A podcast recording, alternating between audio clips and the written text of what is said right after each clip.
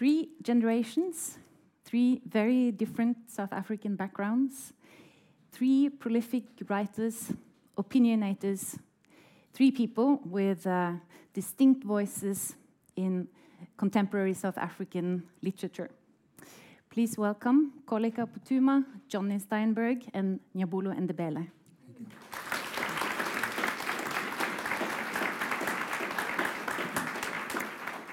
Um, I'm Teresa Grøtan, and I'm the festival director. I've had a keen interest in South African society, history, and literature since my youth. So, this is a truly great honor for me to sit here with you today. Uh, we will talk about the role Nelson Mandela has had on South African history and why not everybody agrees on what he means today, seven years after his death. We will also talk about what he meant and means to you personally um, and to the literature that you write. But first, uh, I would like to do a brief introductions to the three authors here on stage. Uh, Ndebele currently serves as the chairman of the Nelson Mandela Foundation and as the chancellor of the University of Johannesburg. Njabulo Ndebele has had a long career as an academic, as a professor of literature, and as an author who has written both essays, novels, and children's books. Jonny Steinberg has written about South African life after the fall of apartheid in several award winning books. His newest uh, is One Day in Bethlehem, was out in 2019. John is also an academic, a professor of African studies at the Univers University of Oxford. Koleka Putuma is a poet who has had a tremendous success with her debut collect collection, Collective Amnesia, from 2017. And the translations are pouring in. um, she has been the South African Poetry Slam champion, is a prolific spoken word performer, and has been on Forbes Africa 30 under 30s list. I would like to start this conversation uh, with your personal backgrounds and relate this to South African history. So let's start with an um, determining year in South African history. And that was the year you were born in 1948. Why was that such an important year? Well, um, uh, it, it uh, personally, it was important because I was born. but uh, I, I, I, didn't, uh, so I wasn't not aware that the, there was this big thing that was happening as well. You were a bit too young. At the time that I was born, which yeah. was when that the, the National Party uh, won the elections uh, after a long period of the, I think, the United Party and uh, uh, uh, from the time that the Union of South Africa was established in 1948, in, in 1910. Mm. And, and they, the, they finally got into power in 1948. And the person known to have been the real architect or described as, as the architect of, uh, the, of apartheid was Dr. Hendrik Verwoerd uh, who was to become the prime minister, you know, at some point. And he, of course, uh, gave a, a, a, theoretical and a political uh, explanation of the vision of, uh, of separate, separateness, which is what apartheid meant, and that to drive concertantly, therefore, the wedge between black people as inferior on the one hand and white people as superior, who are going to be with the Afrikaners on, on, on, on top who are going to be governing everything.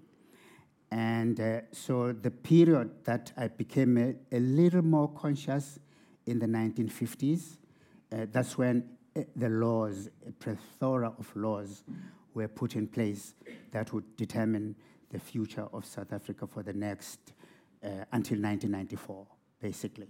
So, um, uh, so I, I so, so that may, maybe I should add then that in 1994, it, it all ended, and I survived apartheid until now. Yeah, okay. Could you just could you say a little bit when you say when you started when the laws started coming? Give us just a brief, a few examples of Okay. those laws and how Okay. and how your childhood was Yeah. affected by that. Maybe to, to describe it specifically from the point of view of childhood, is that I, I became aware that uh, um, I think I must have been seven or eight years old. Uh, I became aware that there, were, there was a, a boycott of buses in Johannesburg uh, because the, the, uh, the, one of the things about apartheid is that the system wanted workers out of black people, but placed them in, in, in, in, in uh, residential areas or called locations far away from work. So the work, everyone had to go into town and pay for their, their transport. Uh, and, and out of the little wage that they got, they, they had to also pay for their transportation to go to work, which was uh, some sometimes subsidized, sometimes not. But um, the, the bus boycott was as a result of the fact that the increases in, in the bus fares were becoming i- intolerable, and people decided to not to not to, to use the buses. There were a number of uh, uh, many of much of the drama of uh, the bus boycotts is captured in the in, in, in magazines and newspapers of the time, uh, like Drum magazine, and I, I began to read Drum magazine uh, even as uh, at, I was just learning how to read, and and began to be uh, aware that there was the bus the bus boycott. The second one was uh, the potato boycott. And now I was beginning to read a little bit more because I, I was aware, I've, I've I've been aware since that time that they were uh, uh, reading about a journalist who, who uh, uh, uh, pretended to be a prisoner got, or got arrested. Yeah, I, I, I missed the details. now.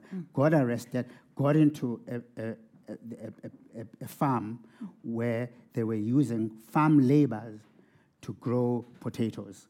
So as a toddler, I, I learned that uh, don't eat potato, don't eat potatoes. You, you know, uh, urban legends like don't eat potatoes, or you might find a nail of a human being, you know, in there, because they used to, uh, people used to die there, and there was a story that they were buried with, with the potatoes. So there were those, uh, those stories that conditioned your, your attitude towards a particular commodity uh, that was a bone of contention and, and was, was itself, therefore, a, symbol, symbolic of, of the state of, of the economic oppression of people, the little benefit that actually comes to them, and the considerable benefit that accrues to others that the state benefits. Uh, So those two, is, if I, those two incidences are very firmly entrenched in my mind, even as, as a boy uh, less than 10 years old. Uh, so some of those things were, were happening. At a, and then, of course, there was a big one. The big one was uh, the, the, shoot, the shootings of Sharpeville. Yeah. Now, I have a very vivid personal memory of that one because when um, my grandfather, who was a priest of the Presbyterian Church on my mother's side, visited uh, our town, my township, where we were in, in, in Nigel, in the East End at Charterston location. Uh, he found me, for some reason, alone in the house. And uh, it was dark, getting dark. And, uh, This and was in 1961. in ni- right? uh, 1961, that's right, yeah.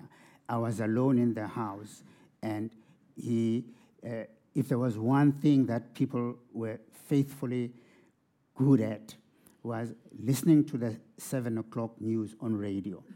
So it was already like this, he, he, had a big voice, you know, like he called on me, you turn on the radio? Uh, so I, I turned on the radio, and, and uh, he, he heard that there had been these shootings, and, I, and I heard his booming voice, you know, say, what a terrible thing, uh, you know, to have happened. So that was my, my connection with the Sharpeville shootings, you know, at that time. And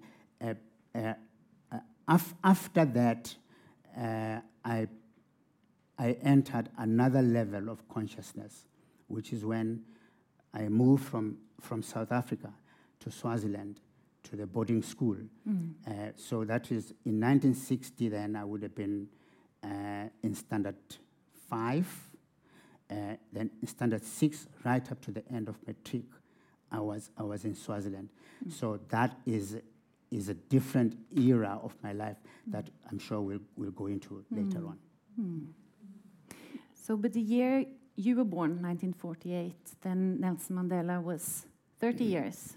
Yes, it must have been. Do you do you have uh, a memory of when he was still he was still not jailed at that time in 48?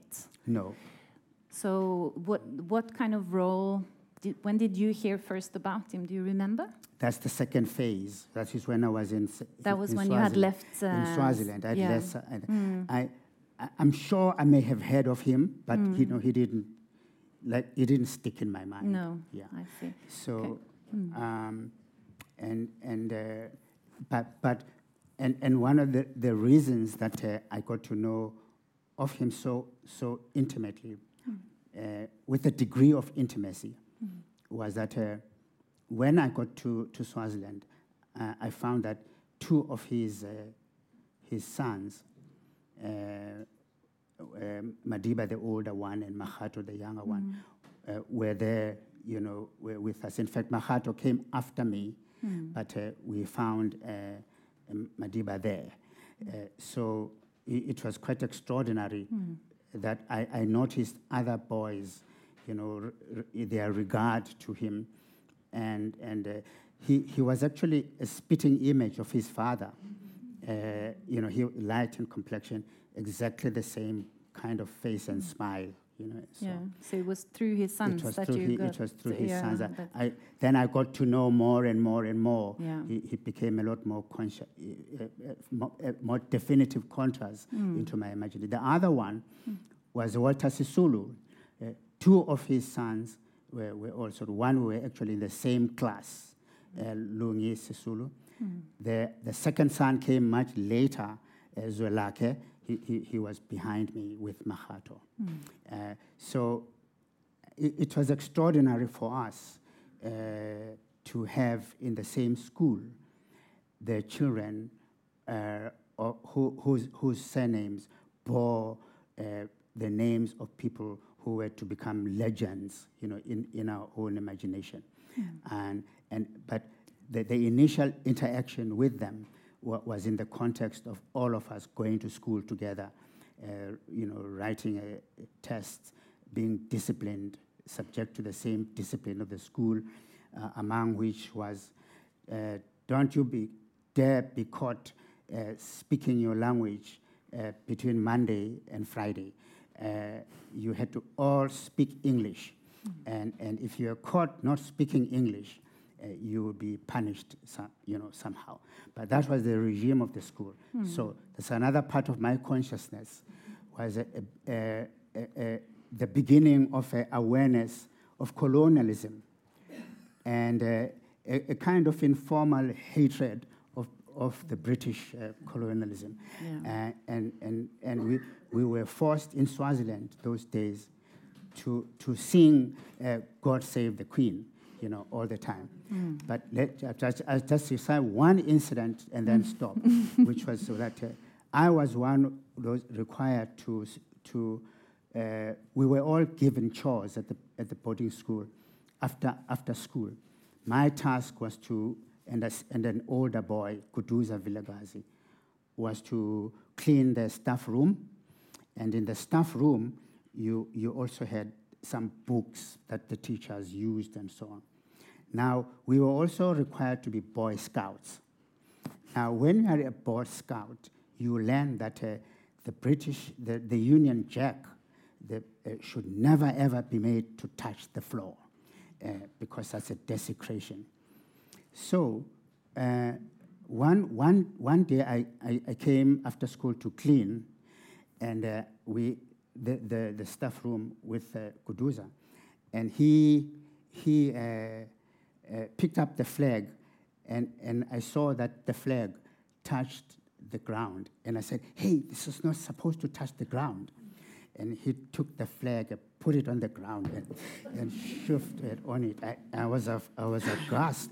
uh, but but uh, hey, I was also liberated. this is, so this is what you can do to the flag. And uh, that, that has stayed with me, you know, for, for a very long time. I, I, can, I can vividly, uh, you know, see it.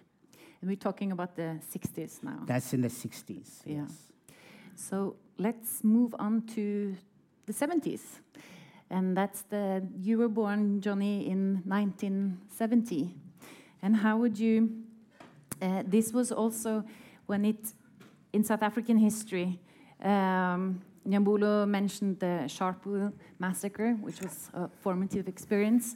In the 70s, we had um, uh, Soweto uh, in 76 uprising, with the, which is maybe the most well-known um, incident in um, when when we talk about apartheid in in the world media.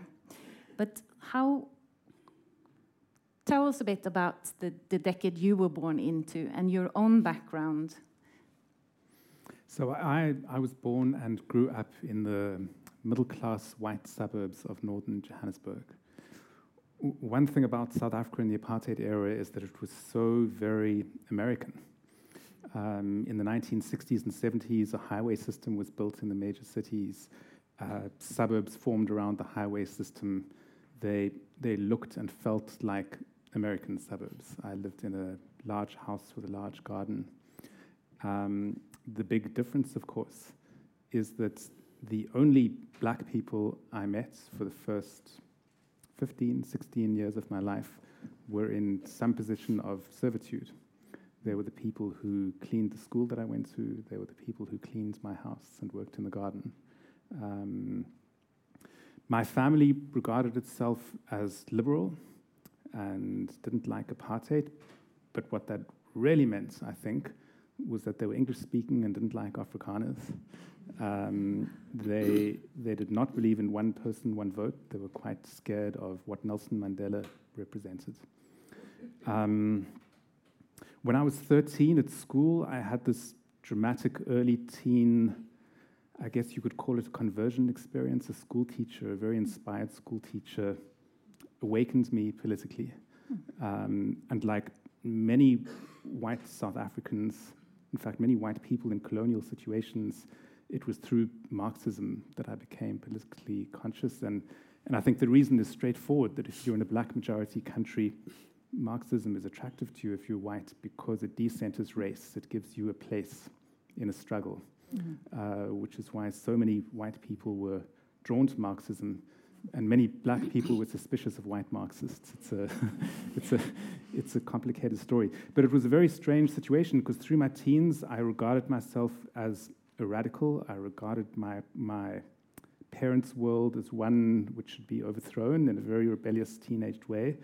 But I had still not met a single black person who was educated or politically active. So there was an incredibly strange um, distance, I guess, between the sense of who I was in my head mm. and what I actually saw in the world. Um, and when I finally, at the age of 16, 17, began interacting with black people who were educated, who were politically active, I, I guess my view of them was highly idealized, glorious, romanticized. Um, and, and so I, I, guess what I'm trying to say is that, that being a white South African under apartheid, one's relation to race was, was fraught and complicated and quite opaque, no matter where one stood on the political spectrum.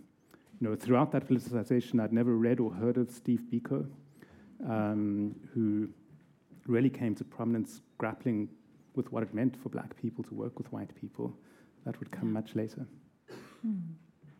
So, how much did you understand or know about what was going on, for example, about the Soweto uprising?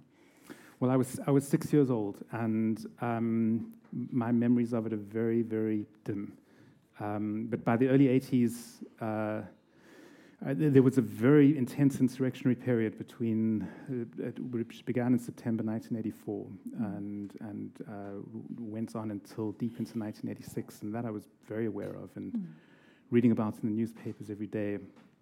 And in fact, my high school was, as the crow flies, I think about six kilometers from Alexandra Township, um, which for several months in 1984 the police were thrown out of and was run by the youth and I could see the smoke in the sky just to the east of us. So, in that sense, it was quite close. Mm. And in the 70s, then um, Mandela was on Robben Island, which we all know about. And how? What was? What did you know about? What did you hear? What was your family's reaction? You said that they were scared of one person, one one vote. Well, were, I, I, guess there are two stories because there was this watershed in my life in my early teens when, mm-hmm. when I, had, I made contact with a school teacher. Before that, my there was a distant relative of mine who, who was involved in the struggle um, and who was uh, spent many years in prison and was in the underground. His name was Raymond Suttner. He's still mm-hmm. around. In my family, he was a pariah. Uh, to be uh, involved with violence, to be involved in radical politics was beyond the pale. He was considered a personification of evil. He was beyond comprehension. Um, after this politicization through a, uh, through a teacher, the whole world shifted. So, so back then, for my family, Nelson Mandela was a figure of enormous suspicion. Mm. And, and then after um, uh, my politicization, he was again a figure of suspicion, but, but for the opposite reason, because perhaps he wasn't radical enough.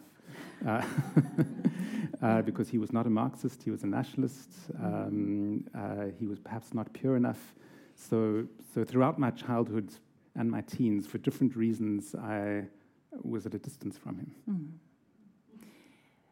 So we move, we've been now to the 80s and we come to the 19th, and that's that's your, that's your decade. You were actually born um, the same year that Nelson Mandela came to Norway to receive the Nobel Peace Prize uh, in 1993. Uh, and it was very tumultuous years in South Africa from his release in 1990 until the first elections, democratic elections in 94. Tell us a bit about how it was for you being born into this South Africa?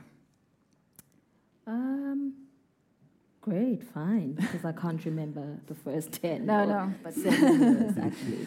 But um, I was born in 1993 um, in Port Elizabeth and uh, grew up in Cape Town. Most of my life was raised in Cape Town. Um, and so for the first uh, couple of years, everything was kind of normal, I guess. I went to um, previously white schools. Um, I went to school with um, other um, races. So I was in a, a class with white, black, uh, Indian, colored uh, children. And on the surface, everything kind of seemed normal, I guess. Um, I grew up in the northern uh, suburbs of Cape Town which is very different from the southern suburbs of Cape Town. Um, in what way? In um, the north is very um,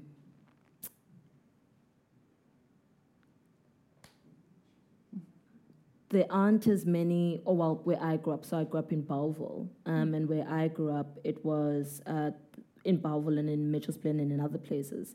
Mm. It wasn't as uh, bougie as other places. Um, and so when I went to university, I kind of moved to the southern suburbs of Cape Town. And that was like a culture shock of note. Like, first of all, I went to UCT with uh, people who thought differently, who looked differently. I studied theater, so the people who went there, like, they were barefoot half the time. They were like queer people and like Muslims and things, and I was like, "What the fuck is going on?" Like, I come from a very like Christian family, you know, small, you know, the northern suburbs kind of had like a small town um, vibe about it in a way, or at least where I grew up, um, where certain things were kind of like controversial and people kind of moved and lived in a particular way. Um, and so, for the most part, like things were kind of normal.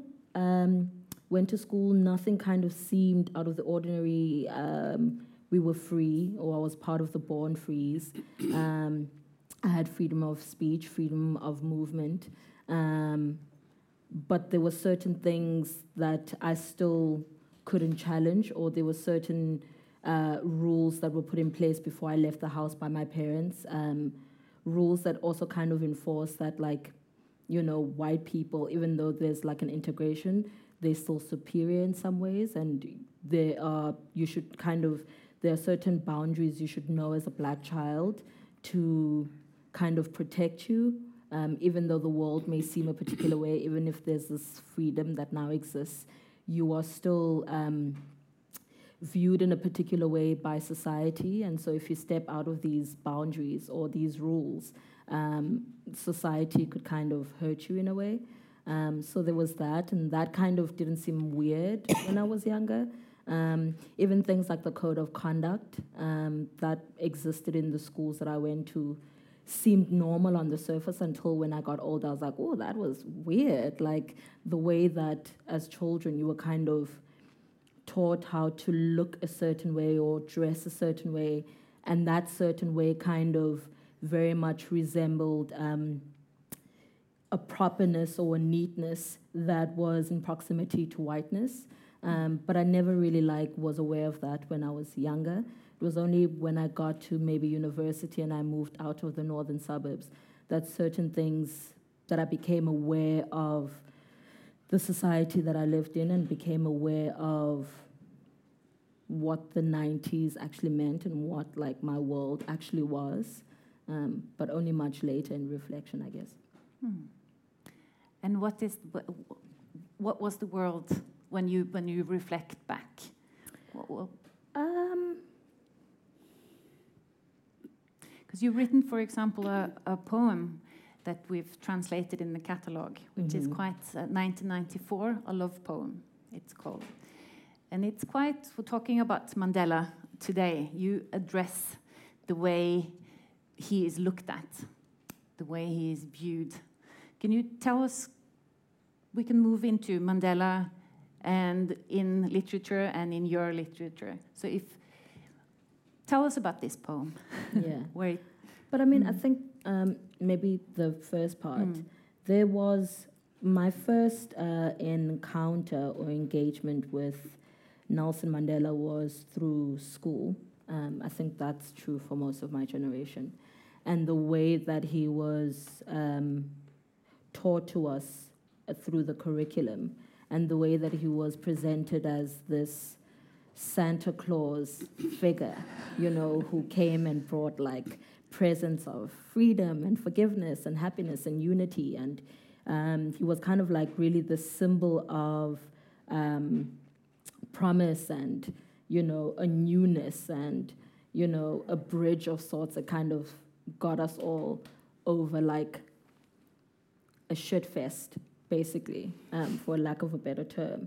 And that was kind of, and looking back when I was much older, my generation, particularly in the last couple of years, with all of the movements that have started to happen, there's been a more critical engagement with the figure of Nelson Mandela and questioning some of the things that we were taught in school um, and some of the, the things that were kind of really left out of the curriculum. I mean, it's interesting to hear you talk about Biko. There, there are some figures that I didn't even come to know about who were an integral part of the struggle and uh, bringing about democracy that I didn't even know about until I was in maybe 19 or 20. Um, and not only um, Biko and, and uh, Nelson Mandela's uh, colleagues, but a lot of the women figures who were such an integral part of the the struggle that who were completely erased from our curriculum that I came to know not because someone um, made an effort to kind of put it into a curri- curriculum later on, but because a lot of us had to really go and educate ourselves about the people, about the women specifically, who were uh, who paid who played a huge role in in the struggle. Um, so that was mentioning Biko. Would you like to say a few words also on the on his?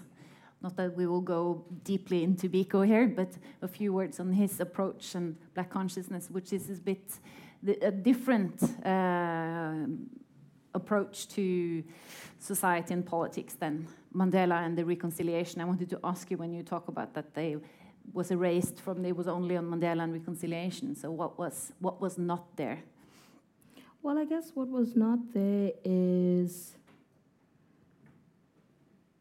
how okay. So maybe mm. the one figure, um, how actually prominent. Um, Winnie Mandela, for example, was, or the role that she played in um, bringing awareness to what was happening, mm. um, and how she kind of, um, well, not kind of. I have a habit of saying kind of, but I don't mean kind of. I mean absolutely. So how she absolutely um, was integral in um, the release and the freedom of Nelson Mandela and people being aware of what was happening, um, amongst other people, but. Mm um, that person being one person. And maybe going back to the poem, the poem that's in the, the catalog that people can go back to is how there's this kind of romanticism and love for Nelson Mandela that kind of um, latches on to um, singularities or, or one person or, or, or one aspect of history um, and kind of erases other parts of history that would then complicate the narrative and force us to engage with the complexities of what actually happened and what the truths and what the untruths are of that uh, history. Mm. Um, in that, in the poem, you're quite confrontational. Uh, you say that I want you to to look at me and to love me like white people look at and love Mandela. Um, how did you read her poem? I did. Yeah, and uh, how? What did it make you feel? I, I, think it was. It's an extraordinarily powerful poem, and yeah, I think so too. I think anyone reading it in any time would appreciate its power, but its particular power now is that it's it captures a, a sensibility which is abroad in South Africa um, among the young in particular. Um, and a very, very critical backward look at what this transition to democracy was about and what happened in it, um, why there is disenchantment with it, um, and to to put that into into literature the way you have was it it captured a moment in the way that perhaps only poetry can, um, and it's very very much part of a of an attempt to exactly what you've been talking about, to look back and revise, um, and to ask all over again what happened. You, you, know, I think that you know Nelson Mandela was he was a brilliant politician, but he was a politician, um, and people in politics are ruthless. And, and one of the things one must do in politics is one must not only defeat one's enemies and one's opponents, but one must make sure that they are not remembered. Um, and I, I, think the ANC was extraordinarily good at that, um, at very self consciously making Mandela a figure who embodied everything. Um, and the result is that there are many historical casualties um, along the way. And I, I, in a way, don't even say that critically. I think that that's what is politics. Politics is about power, and that is what people in politics must do. And, and yet, us in the present as much need to go back and, um, and, and revise um, and rewrite history. Uh, it, I think it's very, very important for a, a, critical generation to reconnect with the past, to rediscover the past, and to rewrite what happened in the past. Mm. You are the chairman of the Nelson Mandela Foundation. So that would be to um, keep his legacy. Um, and how uh, how do you feel about the young generation, the born frees that Koleka presents, could say, and a more of a uh, also critical view of the role of Nelson Mandela in history?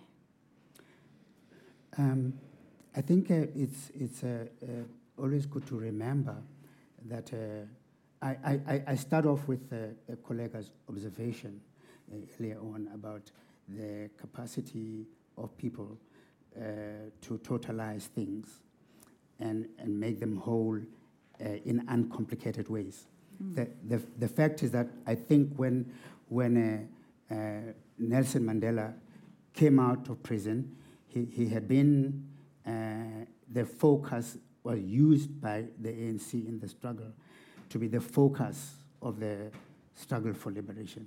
And so, because he had, he, it was a resonant name and he had established his place as a politician even during the, the struggle days, the, the Rivonia trial, the treason trials, and everything. And as an individual who, who was trained as a lawyer, uh, started uh, uh, with, with Tambo, a, a law office. He, he quickly emerged as a kind of charismatic, strong intellect, strong personality, and, and often uh, uh, this, this is how I experienced him. He didn't have to do anything because he just walks into the room and he's awesome. And I, I think it's the same with his wife, Winnie. Uh, I had not met, I met her not many times, but twice or so. But the first time I met her, we, we can talk about that later, he, she had an extraordinary sense of presence. Now, uh, a, a, person uh, uh such as that, when comes back home, is released from, from prison, and has had this uh, resonance around him that uh, reverberated internationally. The fact is, uh, when he, he, he came out, the attitude towards it, when I'm, when I'm saying the fact is, I'm, I'm, in, I'm interpreting, I mean, I'm not saying this is how it was. But I, I think that it's, it's useful to remember that there were many people, maybe an overwhelming number of people, who, who believed in him, followed him politically. Uh, there were others, black people, who were not so impressed. Uh, though, if, if you were a, a member of the Pan Africanist movement, you would have doubted. I, my, my entrance into the South African political sphere was not through the ANC, but was through my involvement with the Black Consciousness movement. Mm. So uh, I knew uh, Steve Biko, some of the people, Barney Pityana, um, uh, Jeff uh, uh, uh, Tenji mm-hmm. Mamphela, Ramphele, these, were the, these are the people that I interacted with. Mm-hmm. So my trajectory into South African politics was, so there's that, there, that, there was that anger that was not easily into the, the ANC thing but appreciated the fact that there, there was. Mm. Could you just briefly say a few words about uh, the difference? I mean, the different approach of the black the, consciousness okay. contra yeah. what Nelson yeah, Mandela. yeah. Now, what we're doing now is we're unpeeling the his, the, the, the onion of, of history.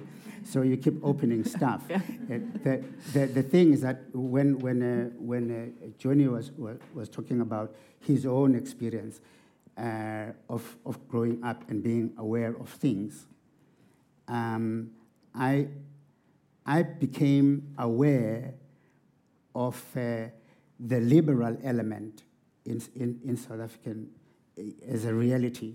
Mm. When uh, I finished my high school in, in, in Lesotho, came back to South Africa, and became a member of uh, the National Union of South African Students. Now, the National Union of South African Students was a, a student movement uh, basically formed by the English speaking South African universities of the English speaking liberal kind of politics. They, they projected a, an approach that was a non-racial, that you know it, it was open to everybody. And I went to one uh, uh, uh, membership forming organi- uh, ex- uh, uh, workshop outside, just outside of Pietermaritzburg in Natal. And there I interacted for the first time uh, with uh, white, white South Africans. It, it was very strange. Now, we, we, we were to learn much later, much, much later, that some of the people that we thought we were getting to know each other were actually spies of the South African government. Uh, so I said, this man, that was my friend, you know. Uh, so this is the, what this is what they were doing. So they were, they were that, that was also infiltrated, you know, by the police. But I'm trying to describe the sense that it was also around that time in the nine, 1970, 1971, 72, 73, that the Black Consciousness Movement started in reaction to the National Union of South African Students with, and I think a Koleka was also hinting at this, that you get into this thing, you, you think that everyone is equal, and then you realize that the small number of white people, hmm. they don't say so, you know, just want you to be like them. Hmm. And, and you say that that's not, that, that, that evoked a reaction among black students that we don't want this. It was exacerbated by certain things. So you go together to the conference in town. When it comes, and this has nothing to do with the, with the organization, but with the laws of the country. When it's time to go and sleep, uh, well, we can't sleep in the town, in the city, uh, because at 11 o'clock uh, 8 p.m., we must get out of the city, because if we, get, if we don't leave, we'll be arrested. So, so uh, it, it, it became inconvenient to be a member of the organization where one moment you are, you are together, the next moment they are protected by their color and where they are, and you are in a state of agitation.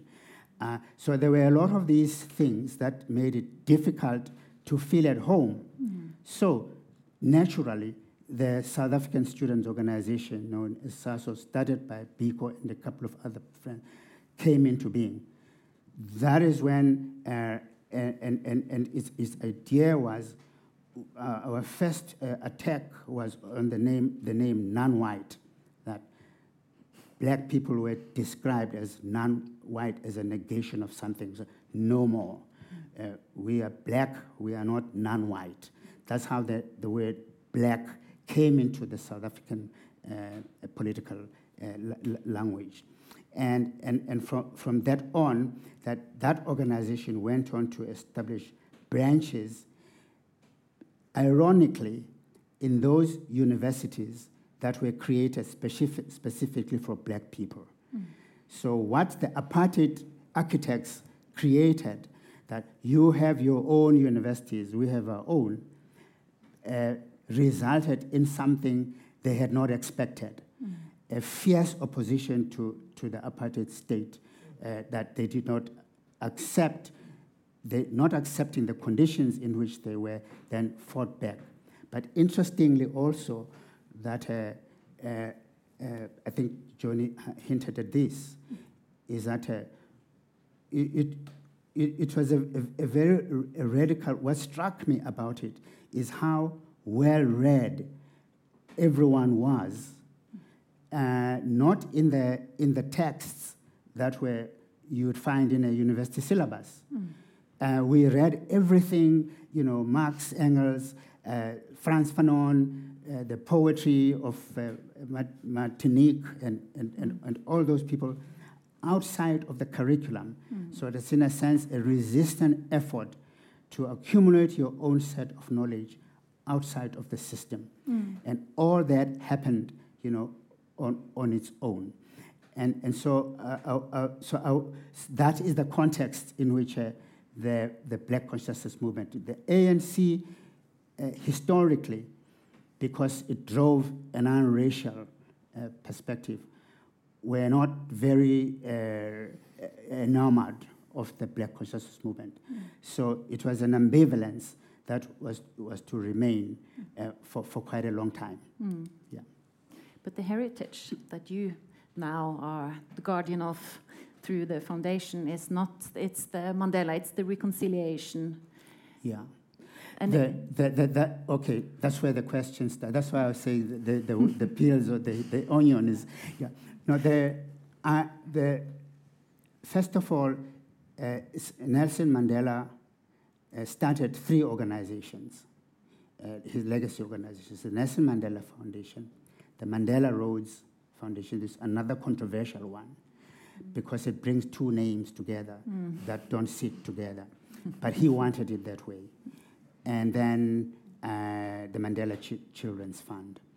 Uh, it- this particular one, he, it, it states in the trust deed that establishes it that is to, is to promote his legacy, uh, to collect uh, all the archival work that's related to him as a person, not as a leader of the ANC. That's a separate thing. But, but, but also to, to conduct, because of the, the importance of dialogue, the centrality of it in the negotiated settlement towards the. So one of the important things we do is to conduct a dialogue on, on, on very serious issues that will occur from time to time in the South African uh, body, body, body politic. Will it be economics, security issues, the interpretation of the constitution, and, and, and other things that uh, we, we, we bring together, we go out of our way to bring pe- people together who hate to talk to one another. But, uh, uh, you know, they, they, they, they talk uh, anyway. And then there's the annual lecture. So in the foundation, we are very conscious of the fact that we are not Nelson Mandela and would never ever be. Uh, it's not the task of the foundation to defend uh, Nelson Mandela, but it's the task of the foundation to make accessible information about him. People do come to the foundation to, to uh, consult with records and so on. So they don't have to have to agree with us, or we don't have to agree with them because the information is there, you know, for, for the public. So my, my, my sense, therefore, is that uh, from what I understand of Madiba, man, he understood the power that he held, but also went at great length to tone it down because he, he, he uh, famously uh, said uh, he is a, he, he's not a, a saint. He, he's a sinner who was always try, trying to become a saint.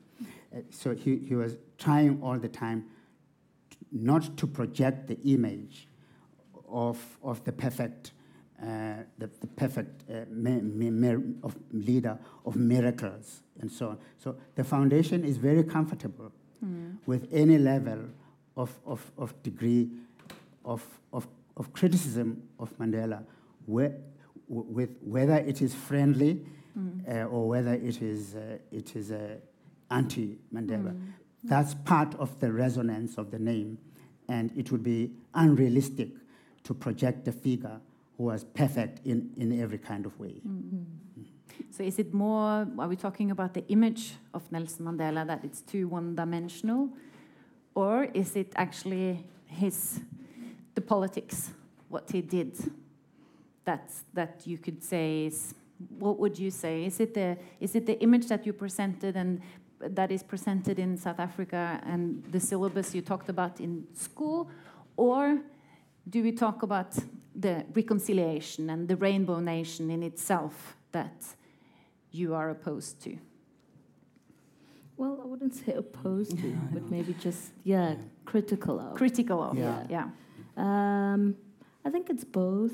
Um, and I think for me, um, being raised and growing up in the time that I did, and even living in the time that I do now, I think there are ways um, in which the legacy and the politics and the figure of Nelson Mandela is used to uh, kind of um,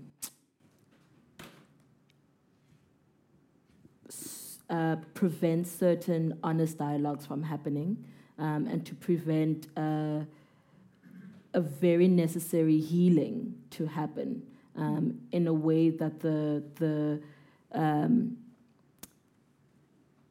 I think the Truth and Reconciliation Project had a had a certain intention, but what it ended up doing was to kind of put a, a gauze over a wound that really needed to kind of be like. Um, to use the metaphor, kind of needed to be cleaned out, and people kind of, I mean, okay, when people talk about like grieving, um, which is what I think South Africa is what South Africa really needed to do when apartheid ended, was to have a process of grieving and healing that really allowed people to um, speak honestly, um, and particularly the people who were harmed by apartheid and colonialism, to come to the table and have a dialogue where they wouldn't get told that, oh no, it's over now, or, you know, um, let's just move past this, but to honestly just go through stages of grieving that allowed them to have the rage, to experience the, the, the, the stages of grieving that made sense for them to process what had happened mm-hmm. um, and not necessarily be forced into a kind of reconciliation or healing process that made uh, white people comfortable. Um, and so I think that it's, it's not that I'm opposed to it. I think it's, it's what the, the legacy or the figure of Nelson Mandela has now done to um, what is meant for my generation and what we've inherited because of that. Um, and so we've kind of inherited like this weird sense of freedom that's very much loaded with a lot of trauma and a lot of silence and a lot of um, amnesia that gets thrown at us, um, and always with um, with Mandela's name that gets thrown in there, like you know, as soon as you start to confront things, well, you know, as a black person or as a black woman, I still feel, you know, um, oppressed in certain spaces. I still feel excluded from certain spaces. I still feel um, like there's a lot of inequality and injustice in South Africa. And, you, and as soon as you start to have those honest conversations, you know, you, you find that a lot of white people go,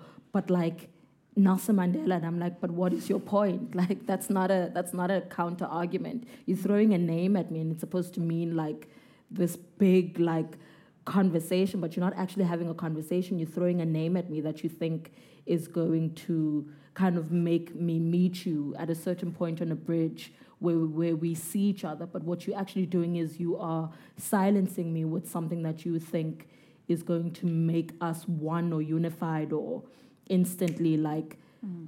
hold hands and skip into the sunset. And I'm like, fuck that. I want to have a conversation with you about like shit, shit that's happening. And, yeah. You know, um, it's, it's and, the, and the and the legacy and the name of Nelson Mandela is not gonna undo a lot of the trauma that has been inflicted on black people and people in my family and people who look like me. It's not gonna um, suddenly m- magically make my experiences go away. Uh, instead, what it's gonna do, it's just gonna um, make me understand that in fact you are not willing to have a, a, a, dialogue and come to the table and actually start to unpack the things. Um, yeah. Mm. Well, it just strikes me that paradoxically, the the way the way Nelson Mandela's name was used in the manner that, in the instances in which a, a Koleka describes, uh, seems exactly the same as the way non-racialism was used to stop the conversation about blackness. And, and uh, so, so each time you throw, you throw a word that's supposed to be all encompassing, it, it, it, that, that is always almost done uh, uh, at the expense of complexity. Mm. And, and, and, and, and, and that, that, that, that is, is dangerous. It, it's dangerous is that it simplifies extremely complex things in the public domain yeah. uh, when uh, at this particular moment in South Africa, we need citizens, in my view, who are a lot more conscious uh, of things and are in the habit of not becoming citizens who are subject to, to the, the slogans of politicians and who, who simply absorb them uh, even more now, more than ever, uh, when the, the disappointments of, of the last 10 years uh, of, of extraordinary corruption in the South Africa uh, has need, needs a critique that, that is deeper than, than simply saying, oh, this is terrible. Mm. But, you know, oddly, I, I, I, think Nelson Mandela himself can be used for that conversation. Yeah. I, I think it's quite important to separate out different Nelson Mandelas. There is the Nelson Mandela who is the smothering, silencing stick, you know, to beat people, saying, be grateful, don't think this, don't think that. That is a use of his legacy. I think it's really important to get back to the real historical flesh and blood Nelson Mandela, who is an enormously complex and opaque individual.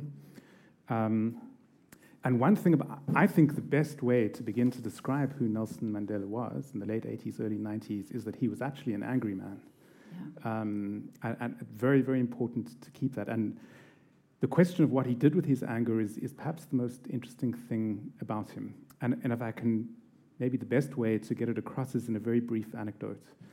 In, in 1946, Mandela was a law student at, at, a, at a white university, at a white liberal university. He was the only black person in his class he walked into a class full of white people, sat down, and the response of the white man next to him was to get up and go and sit on the other side. Now, there was a man watching this interaction. His name was Jules Browde, and he and Mandela became friends later. They never mentioned this at all. Literally half a century later, in 1996, when Mandela was president, he was at a big function, and he found Jules Browde's face and called him over and, and he said, Jules, I, I, want to organize a reunion of our law class from 50 years ago. And do you, do you remember that man who, who got up and went to to the other? And Jules said, I do remember him. He said, I want you to invite him. I want him to be there. And, and Jules said, Why? He said, I want to go up to him and I want to shake his hand and I want to say, You may have forgotten, but I remember. And it's okay. I forgive you. And we will work together. And, and it seems to me that what's going on there is very complicated. It's a man who is angry enough to have remembered half a century later. Mm. And the forgiveness that he has offered is very slippery because it's really a form of triumph. You know, in, in forgiving him, he is also humiliating him. In forgiving him, he's saying, I, I've won now, not you. Mm.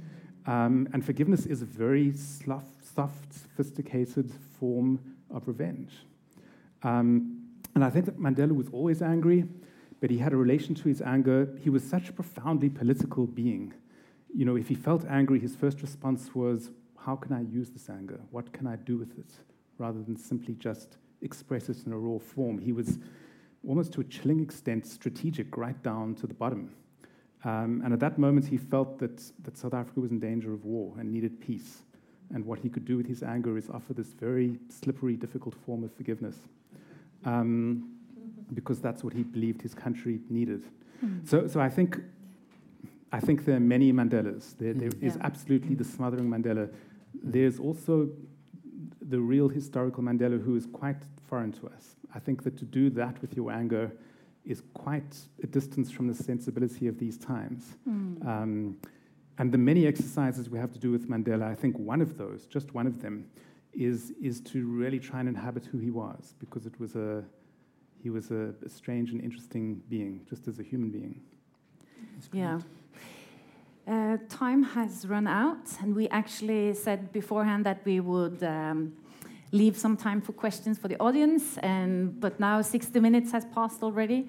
But um, you can meet Jonny uh, a quarter to seven this evening for another conversation on his newest book, One Day in Bethlehem. And you can meet Koleka at the Poetic Punk Gala. Should be a great um, poetry uh, event tonight. And I hope and assume that many of you already have met Njabulo in several um, events we've had during the festival. So now I would just like to thank you so much, Koleka Putuma, Jonny Steinberg, and Njabulo and Ndebele, and thank you so much for coming.